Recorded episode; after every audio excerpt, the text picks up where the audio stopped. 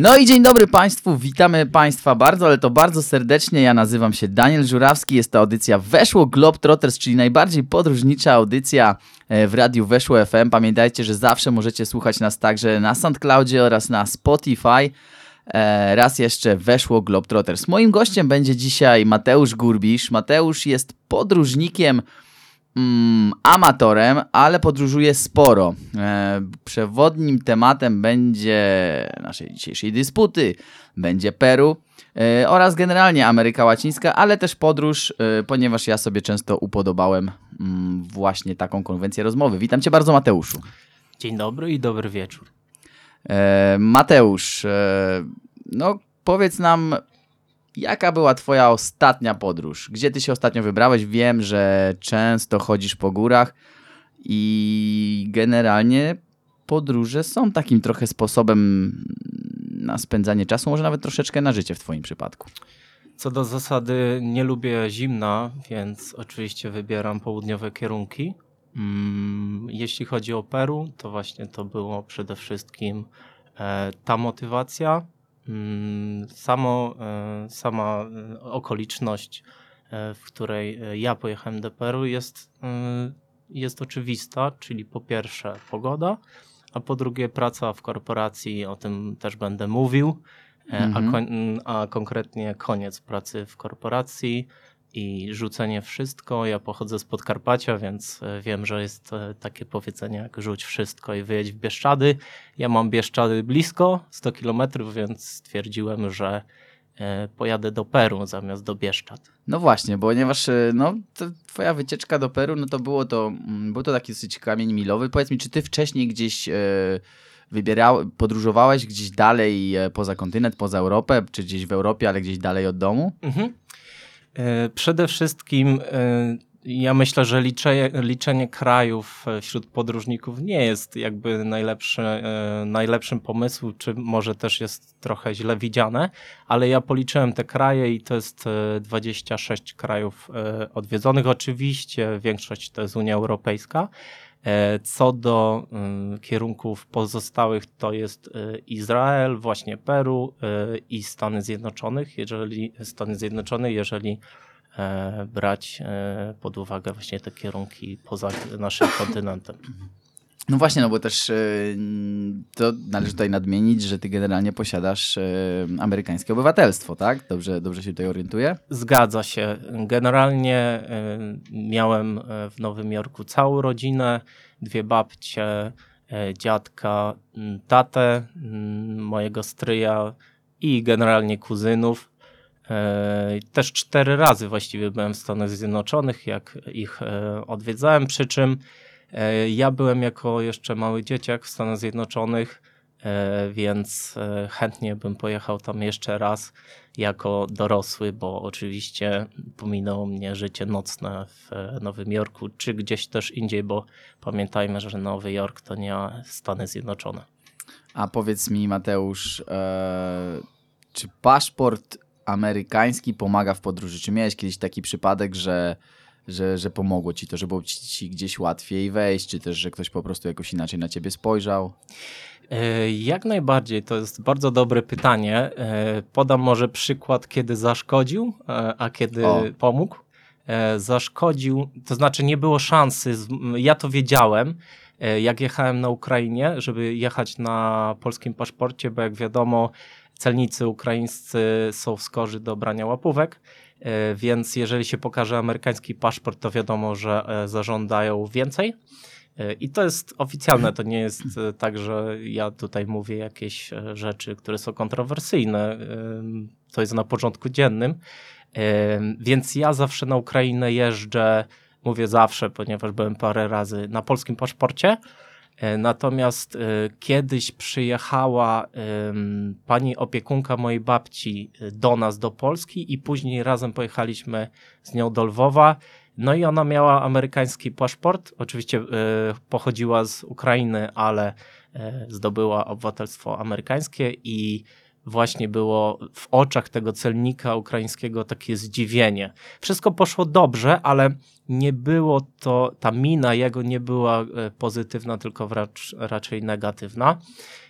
Co do takich, takich pozytywnych reakcji, to pamiętam w Peru, jak jechaliśmy z Limy wzdłuż kosty na północ i podróżowałem autokarem i nie wiem, czy dla testu, dlaczego to zrobiłem, ale w każdym razie pokazałem amerykański paszport i to było takie wow. E, taka Jak była reakcja. Przyjechał ktoś z lepszego świata. Tak, tak. Ale oczywiście co do zasady, jeśli miałbym radzić, to w Ameryce Południowej nie warto jest pokazywać, że jest się gringo. No tak, myślę, że tutaj mogę, ja mogę się też wypowiedzieć na ten temat, bo ponieważ no, sporo czasu spędziłem w Argentynie, gdzieś generalnie, kiedy ja mówiłem, że jestem z Polski, to oni do mnie mówili um, coś w tym stylu veniste de primero mundo, e, czyli że przyjechałeś z pierwszego świata. A oni nazywali samą Argentynę jako tercer mundo, czyli, czyli trzeci świat. A powiedz mi, no może tak trochę poskaczemy, ale powiedz w takim razie, jak już jesteśmy przy, przy tym Peru, jak widzieli to ludzie z Peru? Rozumiem, że okej, okay, jeżeli pokazałeś im Mm, paszport y, Stanów Zjednoczonych, no to rzeczywiście mieliście za kogoś e, lepszego, ale, ale podejrzewam, że kiedy normalnie cię pytali, no to mówiłeś, że jesteś z Polski. I powiedz mi, czy, czy, czy odczułeś to, że mieszkańcy Peru uważają cię za kogoś lepszego tylko przez wzgląd na to, e, jakie masz pochodzenie, czy też skąd przybywasz? Generalnie takim game changerem myślę jest język, Mm, jest duży osobny temat, mm, czy jesteś turystą, czy jesteś podróżnikiem.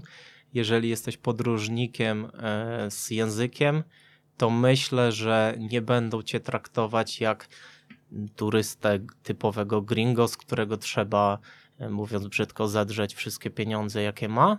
E, ponieważ jako podróżnik, backpacker, możesz w jakiś sposób wejść z nimi w relację właśnie poprzez język. Ja o tym wiedziałem też, bo... Chodzi ci poprzez język. Rozumiem, że y, rozmawiałeś z nimi po hiszpańsku tak. czy po, po angielsku? O to chodzi, tak? Mówisz poprzez język. Tak, y, więc y, ja zrobiłem research na ten temat. Domyślałem się, ponieważ jestem socjologiem z wykształcenia, i ja nigdy się języka hiszpańskiego nie uczyłem, w związku z czym zdecydowałem się najpierw pojechać e, do Hiszpanii na 6 tygodni, zanim pojechałem do Peru. I to był taki level, mm, nie wiem czy. Przygotowawczy. Dół, przygotowawczy, tak, do kultury. I oczywiście do tego się nie dało przygotować, ale e, językowo chociaż się przygotowałem, żeby, jak ja to mówię, przeżyć na ulicy, e, więc troszeczkę jakieś tak zupełne podstawy nauczyłem się języka hiszpańskiego w Hiszpanii. I później, e, później muszę powiedzieć, że podszkoliłem ten język, przynajmniej w ten mówiony w, w, w podstawach ulicznych, bym tak powiedział, dzięki czemu e, było mi łatwiej, no bo mówmy się, większość e, ludzi w Ameryce Południowej nie mówi w języku angielskim, tak w ogóle. Mhm. Więc ja myślę, że wielu spraw no, nie byłbym w stanie po prostu załatwić bez e, języka hiszpańskiego. Bez nawet tej podstawowej wiedzy, pewnie. E, rozumiem. Myślę, że no, ja tutaj ze swojej strony mogę tylko mm, się z tym wszystkim zgodzić, ponieważ spotkało mnie, no, spotkała mnie mniej więcej taka sama sytuacja w Argentynie, która notabene uchodzi za kraj e, jeden z najbardziej rozwiniętych w Ameryce Południowej i generalnie za najbardziej europejski. No a jednakowoż również tam e, ciężko było znaleźć, e, może nie ciężko było znaleźć osobę, która mówi po angielsku, ale, ale ciężko było załatwić jakiekolwiek sprawy bez znajomości języka hiszpańskiego. Mówię tutaj o takich sprawach urzędowych. Jeszcze tak nawiążę do tego, że e, no, ty Daniel znasz, e, znasz język hiszpański e, płynnie i, i tak ci odpowiadali, że jesteś z pierwszego świata, jak najbardziej. Natomiast y, ja myślę, że dałbym taką poradę, y, jeżeli mówi się tylko w języku angielskim, to warto mówić wolno, z twardym akcentem, żeby właśnie y, wiedzieli, że ty nie jesteś gringo Amerykanin, tylko inny gringo, ponieważ mhm. to słowo tak naprawdę wywodzi się na określenie e, kogoś ze Stanów Zjednoczonych, ale tak się rozpowszechniło, że właściwie um, oznacza każdego białego człowieka, tak? Mhm, obcokrajowca generalnie. Tak, więc warto pokazać tak e, podsumowując, że nie jest się ze Stanów Zjednoczonych, jakkolwiek to brzmi tak, żeby rozróżnić. Czyli jednak jest tak, że tych, e, tych, mm, tych nawet podróżników, czy też turystów, e, generalnie obywateli Stanów Zjednoczonych traktuje się troszeczkę inaczej, czy, czy z pewną dobo, dozą nieufności, e, czy to jest tak, że może chcą ich bardziej, kolokwialnie rzecz ujmując, ocyganić na pieniądze, czy na jakiej to jest zasadzie według ciebie?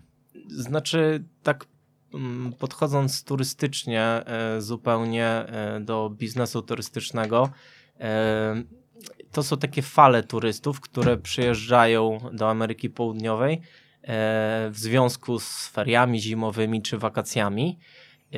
I ci, którzy no, zajmują się turystyką w Ameryce Południowej, dobrze wiedzą, jakiego rodzaju, jakiego, jaki typ klienta właściwie oni przyjmują, tak? E, więc my jako podróżnicy e, jesteśmy w stanie wyróżnić się, e, pokazując chociażby ten plecak, a nie walizkę. Mhm, czyli jednak taka osoba, która mm, sprawia wrażenie, że zostanie na dłużej i sprawia wrażenie takiej może bardziej, nie chcę powiedzieć swojskiej, ale takiej może bliższej normalnemu, normalnemu mieszkań, mieszkańcowi e, Peru z uwagi może nawet i na to, że przez zasobność portfela e, jest jakby bardziej godna zaufania, tak? To chcesz powiedzieć?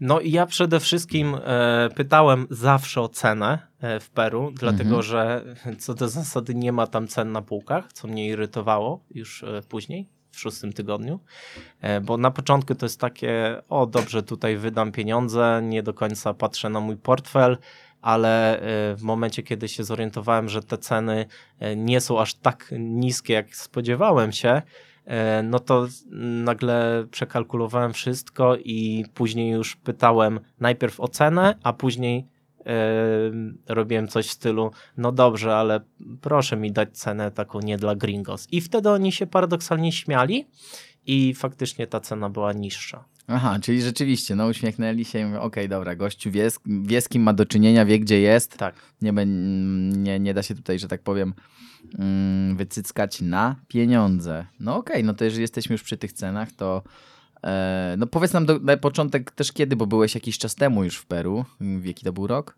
2019. 2019. To powiedz y, mi jeszcze mniej więcej, jakie, jakie ceny wtedy panowały w, no w Peru, jak wygląda taka podróż, ile zapłaciłeś za bilety też, jeżeli mógłbyś się tym z nami tak. podzielić. My wszyscy w Polsce narzekamy na inflację, ona jest faktycznie wysoka, natomiast y, w Ameryce Południowej Również jest inflacja, e, w Argentynie jest hiperinflacja. Jest hiperinflacja. E, natomiast porównując waluty wtedy i dziś, e, Wtedy sol wartał złoty 20, teraz jest złoty 0,4, więc ta złotówka się troszkę osłabiła. Okej, okay, osłabiła, więc tak naprawdę jest drożej. E, ale no, co do zasady, można po prostu jeden do jeden e, przelicznik mhm. przyjąć. E, no, jeżeli jesteśmy o cenach, to muszę powiedzieć, to zależy. Mhm. Generalnie Peru się dzieli na takie trzy obszary: kostę, selwę i góry, mm, montañas. No i o samej Limie można mówić długo, jeśli chodzi o ceny wszystko zależy od e, poddzielnicy e, Limy. E, no ja mieszkałem w tej najlepszej dzielnicy, ponieważ zapewniało mi to szkoła, w której uczyłem, językowa. I tam były ceny. Wszedłeś dwa kilometry dalej, też były ceny. Przy czym, e, kiedy poszedłeś dwa kilometry dalej, mogłeś zjeść za kilka soli bardzo dobre jedzenie, tak zwane street food. E, natomiast w mojej dzielnicy płaciłeś za drinka 10 ale dolarów, tak? Czyli, Czyli 40 sol mniej więcej. Tak. Czyli no, to nie jest jakoś mega dużo, ale jak na kraj, którym powinien być tani, to jest bardzo dużo e, moim zdaniem, więc to jest trochę tak, że w, e, płaci się za bezpieczeństwo, tak? Im okay. droższa dzielnica, tym jest bezpieczniejsza. Ale to rozumiem, że mm, no to generalnie rozmawiam teraz o Limie, e, ale powiedziałeś, że na trzy regiony się dzieli Peru. Costa, Montania, czyli góry i i selwa, czyli. Selwa, czyli to jest jakby. To jest dobra nazwa, bo to jest, y, to jest obszar dżunglowy, ale trochę głupio mówić dżungla, dlatego że jak mówi się dżungla, to pierwsze skojarzenie to jest e, Dzikus. to jest star, Starzana, e, że mhm. tak naprawdę ludzie tam żyją e, wraz ze zwierzętami jakimiś e, nie wiadomo jakimi. E, to jest normalny obszar. Faktycznie ta dżungla jest, ale ludzie w miastach żyją paradoksalnie, podobnie jak my, robią e, wszystko to samo, tylko nie tak samo, tak? Więc e, chociaż oczywiście tak socjologicznie rzecz biorąc są zupełnie inni e, niż my, e, ale też zupełnie inni niż inni Peruwianczycy. Jakbym miał porównywać e, ludzi z e, Selwy właśnie do ludzi z Kosty, czy w ogóle z Limy, bo mogę się wypowiadać za Limy, to e, ludzie z Selwy, przynajmniej tam gdzie byłem, czyli w Tarapoto i w Mojobambie, nie mają w ogóle etosu pracy. Żyją w Ameryce Południowej, żyje się wolniej, to mogę powiedzieć, że w Selwie ludzie żyją mega wolniej i poczucie czasu E, stereotypowo w Ameryce Południowej jest takie, że wszędzie się spóźniają, to nie jest stereotyp. Oni się bardziej spóźniają niż my myślimy, tak? Więc i nie mają jakiegoś poczucia winy, więc, yy, więc tak trochę podsumowując, bo, bo poruszamy wiele wątków, yy, Lima chce być bardziej zachodnia niż zachód, a selwa jest generalnie wyluzowana. Okej, okay, a powiedz mi w takiej selwie, rozumiem, że jednak powiedziałeś, że to jest dżungla, no ale rozumiem, że tam um, pieniądz też e, istnieje, on jest używany, oni płacą, ceny są niższe, tak? Tak. Ale gdzieś generalnie to nie jest taka dżungla, że e, ja ci dam miskę ryżu, to ty mi dasz e, pół koguta, którego wczoraj utłukłeś. Oczywiście, że aż nie. Tak to, aż tak to nie, nie wygląda. To też są turystyczne rejony. Yy, ceny są niskie.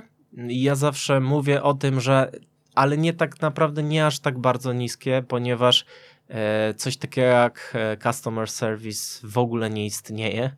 To znaczy, idziesz do restauracji i co prawda, zapłacisz tam 10 soli za trzydaniowy obiad, ale musisz pracować razem z kelnerką, żeby ci dostarczyli to, czego ty chcesz. Bo często czegoś nie ma w menu, często e, kelnerka przynosi ci obiad, którego nie zamówiłeś, nie mówiąc już o drinkach, e, i musisz się zgodzić z tym, co oni ci narzucają. więc... Ale co to znaczy, że musisz się zgodzić z tym, co oni ci narzucają? Czyli na przykład jak zamówię sobie mm, fileta z łososia i frytki, a oni mi przyniosą z ryżem, to muszę już zjeść e, z ryżem? Czy tak. po prostu jest możliwość jakiejś tam wymiany i przepraszam, pani się pomyliło? Znaczy, ja oczywiście to mówiłem, to zgłaszałem, ale to nie było tak, że oni się czuli zakłopotani, tylko raczej, no tak jest, tak po prostu jest i w ogóle co ty tutaj e, narzekasz? no nie no, dostajesz z ryżem, to zjedz z ryżem już, nie ma tak, problemu, tak, okej. Okay. Tak. No to dosyć ciekawe podejście, dosyć, dosyć e, mm, osobliwe, e, rzekłbym. Dobrze w takim razie, że w Polsce mamy Oczywiście jest tak, że znajdziesz taki customer service e, jak w Polsce. Nie, no ja sobie zda, zdaję sobie sprawę, ale że wtedy są... jest drożej. Aha, i wtedy jest po prostu drożej, czyli generalnie... Niż w Polsce. Czyli generalnie e, jakość e, z ceną e, współgra jak najbardziej, a jeżeli chcemy coś zrobić budżetowo, to wtedy musimy się na taką swojskość Peru przygotować. Generalnie ja myślę, że mi by na przykład to na takich wakacjach, czy też na takiej podróży parotygodniowej nie przeszkadzało, ale podejrzewam, że gdybym miał tam żyć, to w pewnym momencie mhm. gdzieś by mi się to wybiło, że dzisiaj mam ochotę zjeść X, a podają mi Y i, i muszę się z tym zgodzić. Więc long story short, jeśli chodzi o ceny. Dla biednych ludzi jest taniej, dla bogatych ludzi jest drożej. Okej, okay, czyli jeżeli chcemy sobie pozwolić na troszeczkę luksusu, no to, no to, no to, to ten luksus drożej. jest droższy. A powiedz mi, no ale dobrze, powiedzieli, że za 10 y, sol możemy zjeść 3 daniowe obiad, czyli wychodzi, że za 10 zł to naprawdę niedrogo. A powiedz mi, e, jak wygląda na przykład kwestia z nieruchomościami? Czy wiesz, ile tam mieszkania na wynajem na przykład albo pokój na miesiąc kosztują i tak dalej? Jak ty sobie radziłeś? Nie orientowałem się, ale co do nieruchomości, to, yy, to mogę przytoczyć yy, taką. Yy, no, hotel był drogi, to wiem. Y, ja miałem wszystko załatwione przez bo ISEC. Ty, bo ty tam byłeś, rozumiem, e, nauczycielem języka angielskiego. Tak. Zresztą z uwagi na twój amerykański paszport, bo podejrzewam, że jako native speaker mogłeś tam po prostu nauczać. Tak, aczkolwiek wyjechałem z e, polskiego ISEC-u, więc wszystko było załatwione przez polski ISEC. E, I to był taki po prostu wolontariat. ISEC to po, powiedzmy może tutaj dla naszych słuchaczy, to jest organizacja studencka, tak? Tak, to jest tak naprawdę to jest coś więcej niż organizacja studencka, dlatego że to jest z ramienia ONZ dedykowana organizacja dla młodych ludzi, którzy która rekrutuje oczywiście studentów, ale ona jest znacznie szersza i działa na całym świecie. E, ja tam uczyłem języka angielskiego i miałem załatwiane e, zarówno jedzenie, jak i nieruchomości. Stąd też nie. W sensie mm, tak zwany wikt i opierunek. Nie nieruchomości, tylko mhm. oczywiście hotel, tak. E, I on był w bardzo dobrym standardzie. I na pewno nie jest tanio, jeśli chodzi o hotele, bo hotele są dla turystów. Gdybym jechał tam i chciał zamówić Airbnb, to oczywiście byłoby taniej. Natomiast e, nieruchomości należą do wąskiej grupy ludzi. E, ja pamiętam. E, nieruchomości należą do wąskiej grupy tak, ludzi. Tak, tak. To znaczy, nie chcę użyć słowa mafia, ale pamiętam, jak siedziałem z moim opiekunem w Tarapoto i on mi mówi: Słuchaj, zauważyłeś ludzi, którzy tylko chodzą po ulicach? Ja mówię: No tak, ale nie zastanawiałem się nad tym to są ci sami ludzie, którzy tylko chodzą po ulicach i oni nie pracują, a mają pieniądze. No i oczywiście wyszło tak, że była wojna gangów. Jeden z nich wygrał i tak naprawdę przejął e, całe miasto, e, a to oznacza, że przejął grunty i nieruchomości. Więc e, ja nie podam ci wartości procentowych, ale e, jestem pewny, że e, jeśli chodzi o lokale usługowe, no to większość jest na pewno w rękach tego gangu, który wygrał. Okej, okay, rozumiem. Czyli jednak e, no trochę tak jak teraz, e, no powoli się dzieje w, no może u nas nie chodzi mi tutaj absolutnie o mafię, ale chodzi o to, że rzeczywiście rynek e, nieruchomości w dużych miastach szczególnie, no też przejmuje no, u nas, w całej Europie, ponieważ no, też w Barcelonie jest coraz trudniej znaleźć mieszkanie większość jest wykupowana i potem przekształcana na Airbnb, na Bookingi i tak dalej, co powoduje, że no, normalni ludzie, którzy chcą mieszkać w tym mieście mają coraz większe kłopoty z znalezieniem sobie lokum, albo nawet po prostu, żeby zapłacić za te lokum, bo jeszcze znaleźć to można, ale ceny są horrendalnie wysokie. Mm, no cóż, więc taka troszeczkę, mm, no taki, taki, taki klimat podobny do tego, jaki, jaki mamy w Europie. Okej. Okay. Ale pomęczę cię jeszcze o te ceny. Powiedz mi e, w takim razie, no nieruchomość, czyli nie masz pojęcia, ile, ile w, jakim, w, jakich, w jakich cenach tam to mogło mniej więcej być. Na przykład, gdybyś chciał wynająć pokój gdzieś, to będzie w granicach 1000 zł, 1500 zł. Nie kojarzysz, na miesiąc mówię. Nie chcę tutaj zmyślać, na pewno mhm. będzie to mniej niż w Polsce. Będzie to mniej niż w Polsce. Mówimy tutaj o Limie, czy generalnie? Generalnie. Y, co do Limy, to jest to No jest droższa, ale tak samo jak Warszawa, nie? Jest to cały czas ta sama zasada. Y, tam, gdzie jest Miraflores, czyli tej najdroższej dzielnicy Limy, y, lokale są na pewno i mieszkania są na pewno droższe niż u nas. Y, ja pamiętam, mogę sobie przypomnieć, tak, jedną cenę to było 80 soli za noc w hotelu, w którym mieszkałem. Czyli nie tak wcale tanio, tak? Natomiast tam, gdzie nie ma infrastruktury, to jest taniej. To jest, to jest po prostu to, co ogólnie mogę ci powiedzieć. Mhm. Tak? A powiedz jeszcze tylko, jak e, warunki, jeżeli chodzi o czystość, o jakieś e, nie wiem, robactwo, to może no, to już może za dużo powiedziane, ale, ale higieny, higieniczny standard? Ja powiem tak, jak patrzysz na różne małe miasteczka w Peru na przykład, tam gdzie ja byłem, to widzisz, że jest biednie, ale tak naprawdę to nie oznacza, że tam ludzie nie mają pieniędzy, bo oni po prostu e, nie znają albo mm, po prostu nie dbają aż tak bardzo za, e, o dobro publiczne. Tam bardzo mało e, dróg, i tu mogę, tu akurat mam na myśli Selwę, jest oasfaltowanych. Jest bardzo dużo ludzi z dużą ilością pieniędzy, ale nie ma czegoś takiego, że e, my się tutaj składamy na to, żeby doprowadzić dobrą drogę albo ją wyremontować do X domów. E, więc wszystko tak jest troszeczkę pozostawione e, samemu sobie, a myślę, że, że jeżeli by się byłyby jakiś system lokalnych podatków, to, ten, to to miasto by wyglądało znacznie lepiej, tak?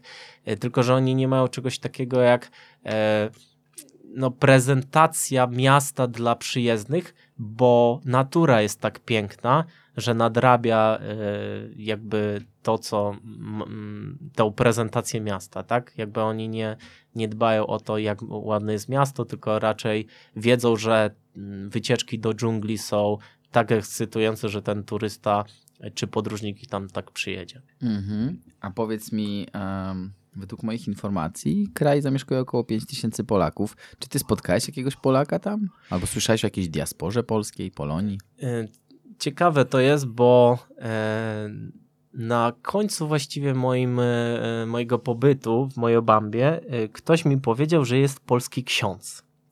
I ja próbowałem... To muszą być i dzieci. próbowałem się właśnie z nim skontaktować. Zadzwoniłem do niego, zdobyłem numer no i ten ksiądz bardzo nie chciał się spotkać. Ja naciskałem na to spotkanie, ale to było moje ostatnie dwa dni e, w tej miejscowości. No i generalnie, że nie ma czasu i że w ogóle nie jest z Polski, tylko e, on mm, urodził się w Polsce, ale był wyświęcany na, w Hiszpanii, więc w ogóle nie jest e, polskim księdzem. Nie mm -hmm. pamiętam i nawet nie wiem. nie dopytywałem. po polsku? Tak, tak. Nie, no mówił, on jest Polakiem, tylko był wyświecany Hiszpanii, mhm. więc twierdził, że nie jest Polakiem. Okej. Okay. Mniej więcej, że nie jest polskim księdzem, ale ja nie wiem o co tam chodziła. Wyraźnie nie chciał się spotkać i ja tutaj nie chcę snuć jakiś No ale hipotez. masz jakąś teorię. Może, Mam taką no... hipotezę, że może bał się, że to jest e, jakaś prowokacja. E, mhm. No, tak, to tak e, zakładając jakby jego dobrowolę. E, złą woli, złej woli nie chcę zakładać, ale e, oczywiście on ma tam ułożony świat, który ja mógłbym zobaczyć, a niekoniecznie ten ułożony jego świat jest, ja bym dobrze ocenił na przykład. Mm -hmm. No rozumiem, mogłoby tak też być. Czyli bał się troszeczkę ewentualnie twojej jakiejś oceny. No okej. Okay. To wiesz co? to chciałbym cię zapytać, e, to teraz zboczymy sobie od głównych tematów e, i zapytam cię, czy byłeś nad jeziorem Titicaca? Nie, nie byłem. Nie byłeś? A powiedz mi... Mhm. Jeżeli ty mnie zaczniesz przepytywać z nie, nie. głównych mhm. atrakcji mhm. Peru, to ja mogę ci od razu powiedzieć, e, że nie byłem w Machu Picchu. No właśnie, e... chciałem jeszcze o to oczywiście zapytać, czy, czy, czy byłeś? Tak, dlatego że jak orientowałem się w cenach, to jest właśnie bardzo drogi interes, nazwałbym to. Przyjemność, tak. droga przyjemność. Yy, więc yy, powiedzieli mi, żeby, yy, że żeby dojechać do Machu Picchu i zwiedzić, czyli wszystko, yy, wszystko jakby in total, yy, mhm. cena wynosiła kilkaset dolarów co było jakieś połowem, połową budżetu mojej. E, mojego. Twojej wyprawy, okej. Okay. E, więc ja się na to nie zdecydowałem. A interesowałeś się, czy można to zrobić jakoś taniej? Czy na przykład może to była, czy to może była jakaś cena dla gringo? A wiesz jak? No właśnie. Wystarczy być peruwianczykiem. I ja wcześniej opowiadałem to troszeczkę na zasadzie, że oni wykorzystują gringos, bo są gringos, ale y, Peru żyje z turystyki i ceny przejazdów, transportu, y, wejścia do różnych atrakcji turystycznych są oficjalnie niższe dla Peruwiańczyków. Mhm, tak, to też, to jest to, co ciekawe, to jest, wiesz co, e, to jest coś, co my, czego my sobie w Europie nie wyobrażamy, bo gdzie, no bo co, to co, Polacy są lepsi, gdyby chcieli, żeby dla Polaków było, było taniej, a nie dla kogoś innego, jesteśmy wszyscy równi. Takie rzeczy generalnie, mm, no trochę nam się, przepraszam, nie mieszczą w głowie, ale na przykład w Argentynie było tak, że loty wewnątrzpaństwowe, jeżeli byłeś Argentyńczykiem, Mhm. były prawie 50% tańsze niż dla... E, za moich czasów to był 2016-17 rok, kiedy ja tam byłem. No wiesz, w Peru, Niż dla Argentyńczyków. Peru jest tak wielkie, że tam nie można się inaczej poruszyć z Selwy yy, do Kosty, jak tylko samolotem. Mhm. Jeżeli ja bym byłbym w Cusco, to oczywiście bym zwiedził to Machu Picchu. Ale chodzi o koszty przelotu, po pierwsze z Selwy do Kosty, e, po drugie, nawet jakbym wziął autobus, który jedzie x godzin, nawet nie chcę sobie wyobrażać ile, to później jest taki fragment, który, który musisz przejechać pociągiem, który jest horrendalnie drogi. I dlatego całość e, wynosi kilkaset tak dolarów, bo drogo. samo wejście z tego, co się wtedy pamiętam, to było chyba 70 dolarów. Mhm. Okej. Ja wiem, że to jest cud świata, ale no nie, bo, nie było to Tak, warte tak. swojej ceny. Wiesz co, rozumiem to. To też y, sam fakt, że byłeś wtedy w innym e, też momencie swojego życia. Miałeś dziś określony budżet i, i kiedy jesteś studentem, to też nie na wszystko sobie możesz pozwo- pozwolić. Ja też muszę przyznać, że na przykład, y, bo rozmawiam o Ameryce Łacińskiej, w związku z tym będę się cały czas referował do Argentyny. Też paru rzeczy nie zobaczyłem. Teraz bym z chęcią pojechał je zobaczyć, a wtedy po prostu szkoda mi było pieniędzy. Miałem je, ale szkoda mi było. Teraz by mi nie było szkoda, ale to dlatego, że właśnie znajduję się już w troszeczkę innym e, momencie, e, no też finansowym, nazwijmy to tak. Im człowiek jest starszy, tym po prostu lepiej sobie e, radzi. No dobrze. Zahaczyliśmy troszeczkę tematem mm, o, też o, o atrakcje, zahaczyliśmy o pieniądze, to może zahaczmy o bezpieczeństwo. Czy ty czułeś się bezpiecznie w Peru? Ja nie jestem reprezentatywny, bo tak się składa, że ja strach bardzo rzadko czuję i szukam y, niebezpieczeństwa, jakkolwiek to brzmi. Ale nie, nie do końca, ale nie do końca czułem się bezpieczny. Y, To jest szeroki temat. Oczywiście znowu powrócę do klasyfikacji dzielnic w Limie. Y, Płacisz za bezpieczeństwo, to co powiedziałem wcześniej. I wiesz co? Mogę ci powiedzieć, że w Selwie czułem się bardzo bezpiecznie. W Limie po prostu mi powiedzieli, gdzie mam nie chodzić, a i tak wszedłem w e, tą niebezpieczną dzielnicę po prostu dla, nie wiem, adrenaliny. Oczywiście za dnia, no bo w nocy to bym stamtąd nie wyszedł, jestem pewny. E, w górach, e, bo też byłem w górach, e, czułem się bezpiecznie. Natomiast na koniec, zupełnie na koniec, już po wolontariacie, pojechaliśmy sobie z moją koleżanką z Niemiec wzdłuż kosty na północ.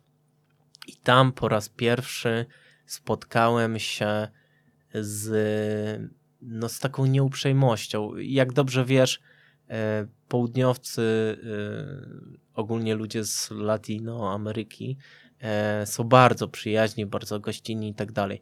Natomiast tam w, e, byłem w, na Mancora Beach, e, nie powinienem to powiedzieć z angielskim akcentem, e, tam po prostu e, ci ludzie byli jacyś nieuprzejmi, tak zupełnie nieuprzejmi i po prostu tak się na mnie patrzyli spod byka. E, Ja potem zapytałem, czy to jest w kwestii mnie, czy to jest coś personalnego, e, kogoś takiego naszego lokalnego przewodnika. Oni byli wykończeni po prostu wojną narkotykową. E, Kolejna rzecz, znaczy wojna narkotykowa pojawia się nam e, kolejny raz, ale to jest coś powszechnego. No, to był taki centrum raju, w którym ktoś może cię zabić po prostu. Ja mogę ci nawet powiedzieć, że zostałem napadnięty. E, Poszedłem do restauracji, e, zamówiłem obiad i nie miałem akurat drobnych i położyłem 100 soli e, i żeby mi, żeby mi kelner wydał, po czym wypadł z kuchni człowiek, który wyglądał na właściciela. Tak, tak się czuło, że to nie był kierownik, tylko raczej właściciel, bo to była mała restauracja, więc zatrudniał tam jednego kelnera. No i mnie wygonił z tej restauracji. Ja oczywiście uciekłem, bo e, życie jest mm, dużo bardziej warte niż 100 soli e, i nie była to duża suma, ale to było takie bardzo nieprzyjemne dla mnie. Ale on to bardzo dziwne, ale on po prostu zapłaciłeś i on wziął te pieniądze, tak. poszedł i nagle wyszedł właściciel i powiedział ci, że WT, WT, tak. afuera. I okradnie, pchnął mnie normalnie. Aha. Wydarł mnie za fraki, tak mówiąc zupełnie, e, zupełnie potocznie. A nie próbowałeś e... go zapytać, o co chodzi? E... No, ja... Byłeś przestraszony, byłem, no, ja pewnie, że Byłem rozumiem. w takim mhm. strachu i wtedy Czyli poczułem strach. Mhm. Aczkolwiek e, mogę ci powiedzieć, co było dalej. E, wróciłem do swojego hostelu e, i tam w tym hostelu sprzedawali właśnie Argentyńczycy, znaczy sprzedawali, mieli taką kuchnię, e, oni nie mieli, właśnie nie mieli tego takiego vibe'u sprzedawania jedzenia restauracyjnego, tylko raczej dzielenia się jedzeniem, a ty tam dawałeś cenę. Mhm. Więc, więc ci, którzy to prowadzili, byli bardziej twoimi przyjaciółmi, przynajmniej ja tak to czułem. E, I oni e, okazali mi współczucie i powiedzieli, że z ich perspektywy, jako ludzi z Argentyny, też są traktowani jako ci bogatsi, źli. Mhm. I Chilijczycy też są tak traktowani e, tam. Tak, no Chilijczycy generalnie żyją na najwyższym poziomie, tam jest najdrożej, ale... Mhm. I co ja zrobiłem? Na drugi dzień e, poszedłem e, tam, żeby odzyskać te stosoli oczywiście nie zrobiłem tego dla stosoli, tylko właśnie z własnej głupoty, e, bo byłem ciekawy. E, pytałeś mnie, czy, czy nie zapytałem o co chodzi. No, w strachu nie zapytałem o co chodzi, ale na drugi dzień już zapytałem. No i to dosłownie było tak, że oni to zrobili na miękko, tak bym powiedział. To znaczy, yy, podszedłem do tego właściciela i zapytałem o co chodzi, o co chodzi. On mnie zbył i nagle ten kelner E, który nie wydał mi reszty, wyszedł i tak powoli szedł, coraz szybciej, coraz szybciej. Ja zacząłem e, iść za nim, zobaczyłem, że ma longboarda. Więc w pewnym momencie, jak ja do niego podbiegłem, on po prostu skoczył na tego longboarda, no i uciekł. A ja przecież nie będę go gonił dla 100 soli, mm -hmm. minus ten obiad, który kosztował tam 15 soli. No i okay. tak, to, tak to wyszło. Tak to wyszło. A nie myślałeś, żeby na przykład no nie, no w sumie masz rację, to tylko 100 soli, a ja to bym chyba jakiegoś e, wziął tubylca, żeby ze mną poszedł. To wyjaśnić, bo byłem bardzo ciekawy, czy po prostu zostałem w tak perfidny sposób oszukany, czy może coś tam się stało, wiesz, czy może to było jakieś fałszywe 100 soli na przykład, wiesz, mogło tak być, że ktoś dał ci fałszywy banknot, no, ty nie znasz się, więc zapłaciłeś tym i okazało się, że o, fałszywy banknot, więc oni źli po prostu cię wywalili, wiesz o co chodzi. Ja powiem szczerze, e, bardzo dobrze, dlaczego wspomniałem o tych Argentyńczykach, e, mhm. co prowadzili tą kuchnię, w hostelu. Oni mi doradzili tak, broń Boże, żebyś nie szedł na policję, bo policja jest ugadana z tymi wszystkimi lokalsami e, i byś jeszcze miał większe problemy z tego tytułu, e, bo policja nie dosyć, żeby nie ścigała ich, to jeszcze by e, w nawiasie mówiąc w cudzysłowie dojechała ciebie. No rozumiem, rozumiem. No chyba rzeczywiście nie warto, nie warto by było e, ryzykować no czegokolwiek dla, no tak naprawdę dla, tak jak powiedziałeś, 85 zł. Co mnie bardzo ciekawi jeszcze, chciałem cię zapytać o najciekawszą e, historię. Czy to była, naj... bo to była na pewno niebezpieczna sytuacja, podejrzewam, że najniebezpieczniejsza w jakiej byłeś, tak? Jeżeli chodzi o Peru. A właśnie, że nie. A no to dawaj tą naj, najniebezpieczniejszą. I nie wiem, czy to opowiedzieć, bo to jest troszeczkę osobiste. E, nie będę się wdawał w szczegóły. To może tak zrobić. W Miraflores, e, jak wiadomo, jeżeli jedziesz e, do Ameryki Południowej, dziewczyny cię lubią tylko dlatego, że... że masz niebieskie oczy, jesteś blondynem. Tak. Pewnie, to dosyć, dosyć, dosyć często tak bywa. Z każdym moim gościem, z którym akurat poruszałem temat mm, takich wojaży latynoamerykańskich, ale nawet w Portugalii, no każdy z nas to podkreślał że rzeczywiście, zresztą no ja sam muszę przyznać, że no, te powodzenie jest tam większe, bo po prostu jesteśmy dla nich egzotyczni. Ja w pewnym momencie się zastanawiałem, czy to jest tak, że yy, one mnie lubią, bo myślą, że ja mam dużo pieniędzy, czy właśnie dlatego, że jestem blondynem niebieskookiem, bo akurat jestem. Yy, I doszedłem do wniosku, że to jest jakieś sztuczne rozróżnienie. To znaczy yy, i to, i to, albo w ogóle myślę, że w, jest po prostu tak, że to jest dobra, dobra strona bycia gringo. I teraz ja pamiętam, yy, poszedłem do jednego baru i tam yy, po prostu poderwałem jedną z dziewczyn i właśnie tam drink kosztował 10 dolarów. Ja postawiłem jej drinka, bardzo przyjemnie się rozmawiało i ja ją pocałowałem.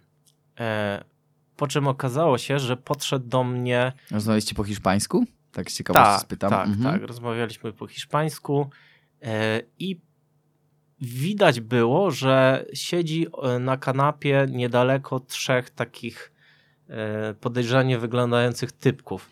I tak, który gość widocznie na mnie spoglądał. No i pamiętam, że ta dziewczyna, jak ją pocałowałem, tak się zakłopotała. I ja tak zapytałem, o co chodzi, o co chodzi, bo, mm, no bo to było takie trochę creepy. E, no i ona nic nie opowiedziała, cieszyła się, że w ogóle zamówiłem tego drinka i w pewnym momencie jeden z tych mężczyzn do mnie podszedł i tak zapytał mnie od, w ogóle skąd jestem. E, okazało się, że to był jej Alfons, ona była prostytutką. O, proszę. I i ja opowiedziałem, że byłem cztery razy w Nowym Jorku, a okazało się, że gość był z Queensu i wrócił. Aha, okej. Okay. I ja oczywiście nie byłem zainteresowany jej usługami. I on powiedział takie coś, pamiętam jak dziś. Leave him alone. Leave him alone. Do niej, tak? E, o, tak jakby wydał wyrok e, uniewinniający. Żeby ciebie po prostu zostawiła na takiej zasadzie, tak? Ta, no tak, bo ja myślę, że miałbym... Przez to, że gdzieś tam byliście z Nowego Jorku, powiedzmy, jak, jakieś Miałbym spore problemy, gdybym ja zaczął proces e, w postaci postawienia jej drinka i nie wymagał ode mnie, żebym gdzieś z nią poszedł i za to zapłacił, tak? E, bo gdybym się na to nie zgodził, miałbym spore problemy. I to naprawdę było e, dużo bardziej niebezpieczna sytuacja, Aha, czyli e... mogło być tak, że oni by powiedzieli, dobra, że jak już zacząłeś z nią proces, to musisz zapłacić teraz po tak. prostu za całą usługę, nawet jeżeli nie chciałbyś pójść czy coś w tym tak, stylu. Tak, bo piliśmy te drinki jakieś 20 minut i to mhm. już mogło... To już jest czas, tak. Licznik bił, tak? Mhm, pewnie, rozumiem. Więc, no. więc ja powiedziałem thanks y, i po prostu wyszedłem z tego lokalu mhm. i sobie myślę... I poczułeś się pewnie wtedy też nie swoją, jak w sensie pewne, pewnego rodzaju niebezpieczeństwa. Tak, w końcu pocałowałem prostytutkę, to jak sobie to uświadomiłem, nie było to najlepsze. Słuchaj, zrobimy z tego, zrobimy z tego zajawkę, nie? Jak to jest pocałować prostytutkę w Peru.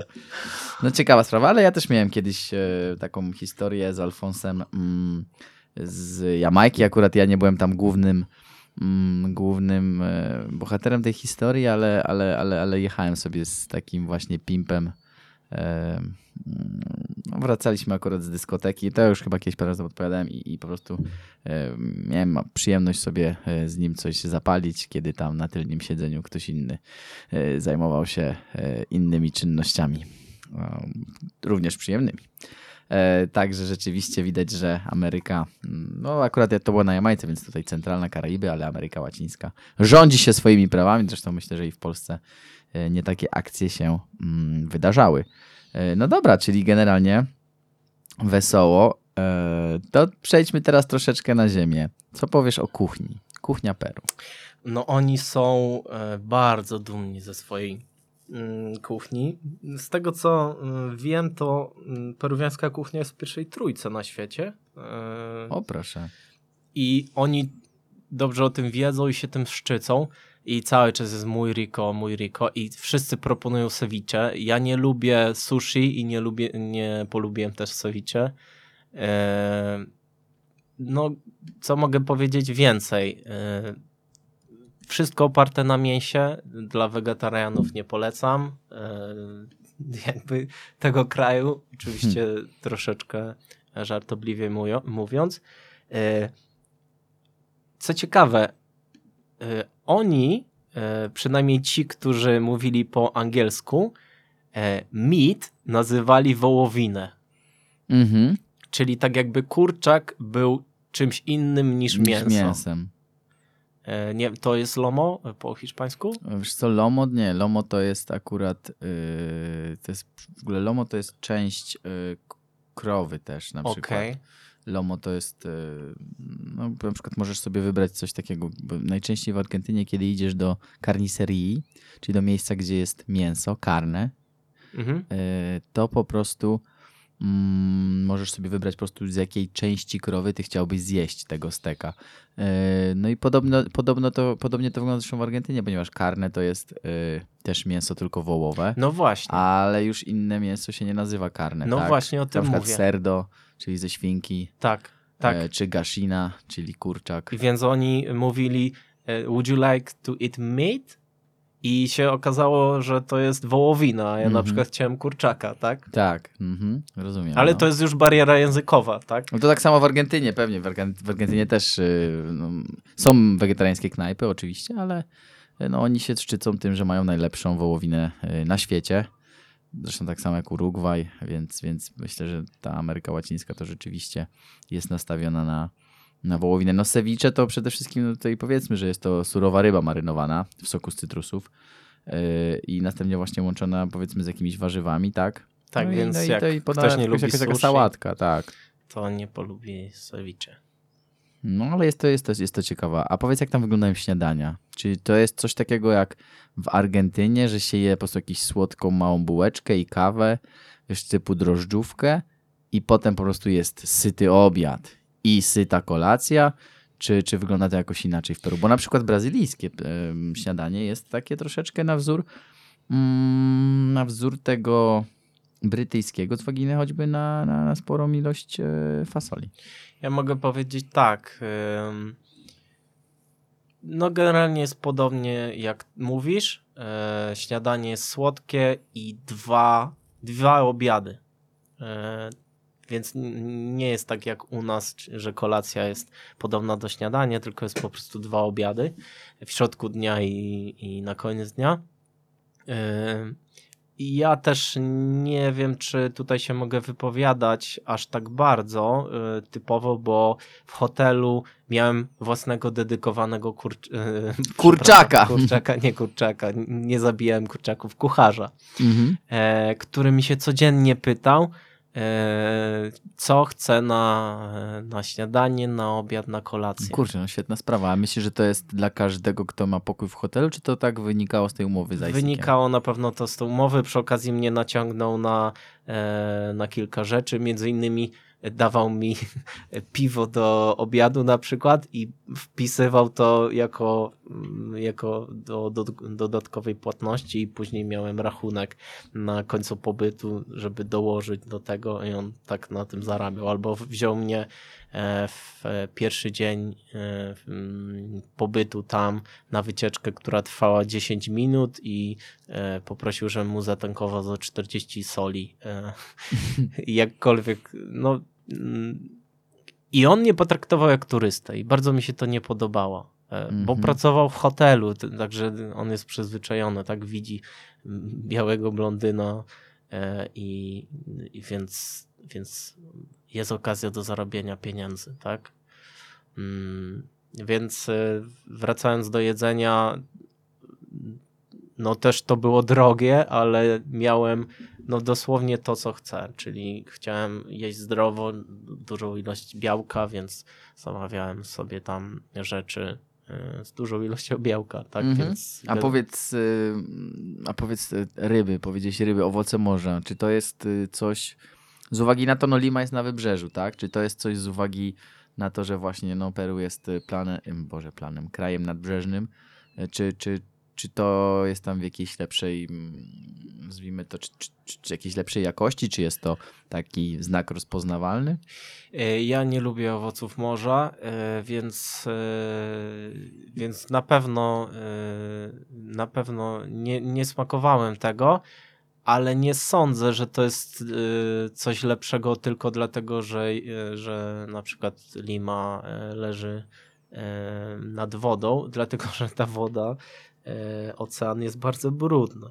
Tak, to prawda, ale z tego, czy gdzieś tam przynajmniej z tego, czy ja, co ja się dowiadywałem, y, to właśnie y, w branży rybołówstwa Peru jest w światowej czołówce. Właśnie, wiesz co, tam jest sprawa taka, że mm, oni mają tak zwany chłodny prąd peruwiański. Mhm. On jest właśnie ten wzdłuż wybrzeża i generalnie dzięki temu no, jest tam taka spora obfitość ryb morskich. Mhm. Przynajmniej z tego, co, co ja wyczytałem. Dlatego chciałem cię o to, o to zapytać, bo kiedy mm, się przygotowywałem, robiłem sobie research właśnie do tego programu, to, to, to mi utkwiło y, gdzieś y, w głowie. Pytałeś o niebezpieczne sytuacje, jak jesteśmy przy wodzie. O, to masz jeszcze jedną? Dawaj, Mam dawaj jeszcze jedną, e, niezwiązaną z ludzi. Mi e, kąpałem się w tym właśnie zanieczyszczonym oceanie i nigdy nie doświadczyłem, żeby był odpływ, nigdy nie doświadczyłem tak silnego prądu mhm. oceanicznego. No po prostu e, mało mnie nie ściągnęło. I potem się dowiadywałem, bo najpierw oczywiście poszedłem, później myślałem e, i okazuje się, że jest bardzo duża liczba przypadków, w którym ten prąd cię wciąga i, i wciąga cię na tyle, że, że giniesz tyle głęboko później, że po prostu się utopisz. Wiesz co, powiem, no miałem, miałem podobną sytuację z tym, że akurat e, po drugiej stronie wybrzeża, ponieważ w Rio de Janeiro e, na oceanie i też e, zaczął się odpływ i zaczęła wciągać po prostu fala, podmywać mi piasek spod nóg. Za chwilę przychodziła większa, która mnie przykrywała i ta z dołu znowuż wciągała i no akurat miałem tyle szczęście, że to było na Copacabanie, było tam wielu ratowników ja i tak zdążyłem się wydostać, ale gościa za mną już musieli ratować. E, no ale kwestia była taka, że rzeczywiście była tam czerwona, czerwona flaga, więc e, to tylko z uwagi na moją własną głupotę, powiedz ty pływać właśnie w jakimś takim kąpielisku, gdzie było sporo ludzi. E, tak. Ja poszedłem normalnie do kąpieliska. Na, na plażę, okej. Okay. A była flaga czerwona? Nie. Nie było i nawet surfowali ludzie. I to mówię to na zasadzie myślę, że ja bym tam nie zginął. To jest mała szansa, bo tam normalnie ludzie się kąpali. E, I to było wyznaczone miejsce. Także mhm. to jest tym bardziej dziwne i tym bardziej e, bym przestrzegał e, w kąpaniu się wyznaczonymi miejscami, bo skoro jeżeli mamy wyznaczone miejsce, i, i tak ten prąd morski jest taki, że, że ja się nawet bałem, no to wyobraźmy sobie, co jest w miejscach nieprzeznaczonych do kąpania się. My w Polsce, w ogóle Polska to jest bezpieczny kraj, ale jeżeli jest, mówimy o wodzie, e, idziemy nad jakiś zalew i tam jest wyznaczone miejsce, e, tak naprawdę ono jest po to, żeby, żeby nie wiem, przytrzymać bardziej dzieci e, bezpiecznie, bo bo porównywalność e, tego, jak niebezpiecznie jest kąpać się w Polsce, a tam, no to to w ogóle jest poza skalą. I też inne rzeczy są poza skalą, ale o tym już mówiliśmy. Mhm. A powiedz mi, e, wracając jeszcze szybko do kuchni, e, wiesz, no, kolejna ciekawostka. E, generalnie Peru to, to, to kraj, z którego pochodzą ziemniaki i pomidory. I też nie wiem, czy wiesz, ale w Peru jest największy na świecie bank genów ziemniaka. E, więc łącząc to troszeczkę z Polską i tym, że my generalnie też e, jesteśmy krajem troszeczkę ziemniaczanym, e, czy, czy ty zauważyłeś, żeby tam było sporo właśnie ziemniaków w diecie i czegoś takiego? Bo wiesz, no, generalnie na przykład wiesz, we Włoszech ziemniaków się prawie w ogóle nie je, w Hiszpanii też nie, nie? Gdzieś tam... Wiesz co, y, ja w pewnym momencie zauważyłem w ogóle podobieństwo kuchni peruwiańskiej do naszej. Y, poza tym, że jest y, bardziej słodko i piją dużo soków. Czyli to jest trzy dania i jeszcze jest taki porządny sok. Porządny mam na myśli gęsty, tak? I on jest wyciskany zazwyczaj z owoców. A co do ziemniaków, tak, jest, e, jest to nasze e, trio, tak, czyli ziemniaki, e, mięso i coś Sałatka. świeżego. Mhm. Coś świeżego, czyli sałatka. Czy też warzywo jakieś. Tak. Dobra, to powiedz mi, ponieważ powoli kończy nam się tutaj czas, a chciałbym jeszcze poruszyć przynajmniej dwa tematy, to przejdziemy sobie tak przez kulinaria do do ludzkiego charakteru, ale chciałbym jako pomostu użyć tutaj alkoholu. I powiedz mi, jaki jest najbardziej e, znany alkohol, albo taki najbardziej, e, albo inaczej powiedz mi, czy na przykład piłeś kiedyś pisko? piłem, czy to jest, ale nie pamiętam, piłem drink w każdym razie, który był z liściami koki. I to jest coś, co jest na pewno charakterystyczne. E, tam była, e, nie pamiętam dokładnie co, ale na pewno coś e, nieszczególnego, czyli nie wiem, jakaś Coca-Cola albo Sprite, jakiś mocny alkohol typu wódko podobna rzecz mhm. i właśnie liście koki, czyli miało to być taki taka wódka z Red Bullem. A to bardzo ciekawe, to bardzo ciekawe. No. Tak, I, no i to było taki, o takiej konsystencji, jak robi się whisky sour, e, czyli z taką pianką mhm. troszeczkę. Mm -hmm. e, I to piłem w Tarapoto, pamiętam. E, no, co do alkoholu tutaj Piwo? Piwo? Czy jest piwo dosyć popularne? Piją piwo, wino. Ja bym tak jakoś proporcjami nie rzucał. E... Chyba te mocniejsze alkohole, tak naprawdę nie wiem, to pewnie zależy od człowieka. Nie ma tak, że jedzie się do Włoch czy do Hiszpanii, jest przewaga wina czy w, tak jak w Europie jest ta linia mm -hmm. piwa i wina. Nie wiem, czy czyli, w ogóle wiesz, czyli... że w Polsce teraz już częściej pijemy piwo niż wódkę. O proszę. Także to się może, zmieniło. Może i dobrze. E, no chyba tak, bo zaczynamy pić, e, że Jakiś tak powiem. Mniejszy per procent. I jesteśmy cały czas na rauszu, ale nie, nie, nie do zgona. Ale nie, ale nie zgonowanie. Więc tak. nawiązuję do, tej, e, do tego podziału, dlatego że tak jak mówię, jedziemy na południe Europy i wiemy, że tam piją wino, ale w Peru nie ma czegoś takiego, że oni piją jakiś rodzaj alkoholu częściej. Mhm, Okej, okay. to ja tylko uściślę jeszcze, że pisco to, to jest taki napój alkoholowy typu brandy, E, czyli taki winiak, nie? Co, tu, co by tutaj dużo mówić? E, właśnie z, ze sfermentowanych, e, z destylacji sfermentowanych winogron dokładnie. To ja I oni się tak. gdzieś z Chile kłócą o to, kto pierwszy, nie? To ja to na pewno piłem, tylko nie pamiętam. Pod, no, na pewno Albo tej nocy nie pamiętałem w każdym razie. Ale widzisz, gdybyś może gdybyś nie był pijany, to by jej nie było, więc nie ma co żałować. Eee, no i dobra, no to przechodzimy powoli do końca. To więc w takim razie, jakimi ludźmi są Peruwieńczycy? Jaka to jest nacja? W Twojej ocenie, y, oczywiście. Tak jak wspominałem, y, ja y, popełniłem licencjat z socjologii, tam też miałem antropologię jako przedmiot, właściwie dwa przedmioty. Więc ja tego wszystkiego się spodziewałem. Spodziewałem się tego, że oni wszędzie się spóźniają. Potwierdziło się, a wręcz tak jak wspominałem, bardziej się spóźniają niż myślimy. I spodziewałem się też takiej otwartości, e, tańczenia, e, no de, de, jak to się mówi, de, viva de loca, czy jakoś tak? Viva la vida, vida, viva, viva la fiesta, tak. viva la loca, no, no czyli, czyli życia takiego... Viva, nie, nie, viva da loca, czyli taki szalo, szalonego życia. Mhm. E, I muszę powiedzieć, że tak... Viva la vida loca. O tak, tak. Niech tak. żyje życie szaleńca, szaleńcze. Mm. Szalone. I powiem szczerze, że y, Peruwianczycy są ciepli, jak najbardziej sangria caliente, ale y, jakoś tak na twarzach tego nie widać. Oni bardziej mają to zero face, e, tak jak Polacy w autobusie, tak? Okej. Okay. E, i, I ja pytałem, z czego to wynika. To po prostu wynika z e, jakiegoś tam kulturowych rzeczy, e, ale jak już się podejdzie, tak jak w Polsce, to jest dużo lepiej. E, są gościnni, no to wszystko, co my sobie wyobrażamy, oprócz tego nieoczywistego faktu Zero Face. Ja też zapytałem, dlaczego tak jest. Zero Face masz na myśli taki poker face. Tak, że to nie jest mhm. ani smutek, ani, ani okay. zadowolenie, tylko no, mi się kojarzyło, że tam każdy na ulicy będzie haha, o, przytulał się i tak dalej. Oczywiście to były jakieś oczekiwania na zasadzie wyobrażeń, ale podobno i pytałem e, o to Peruwiańczyków, tak jest w Wenezueli i Kolumbii, że tam trzeba pojechać i tam jest Żeby odkryć tą prawdziwą e, gościnność i ten prawdziwy uśmiech na twarzy. No tak. No dobrze, e, Mateuszu. Powiedz nam jeszcze na sam koniec, warto? Warto. Warto zdecydowanie. Mogę jeszcze powiedzieć, że wybieram się do Meksyku lub Kolumbii w marcu. O.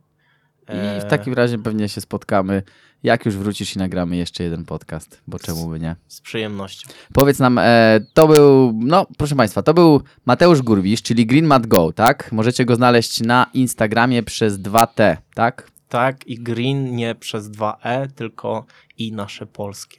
Dobrze, a więc e, ja Ci jeszcze raz z całego serca bardzo dziękuję za dzisiejszą podróż. Byliśmy w Peru. E, słuchajcie nas bardzo, e, słuchajcie nas bardzo, słuchajcie nas, słuchajcie nas, po prostu słuchajcie nas. E, pamiętajcie, że jesteśmy na Spotify, na SoundCloudzie, a oczywiście też w Radiu Weszło FM. W tym momencie ja nazywam się Daniel Żurawski i w innym momencie też będę się tak nazywał. Żegnam się z Wami, cześć, pa!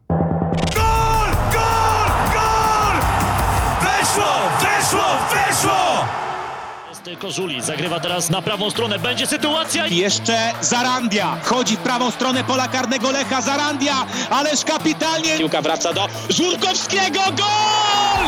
Gol dla Górnika Zabrze! Weszło FM. Najlepsze radio sportowe.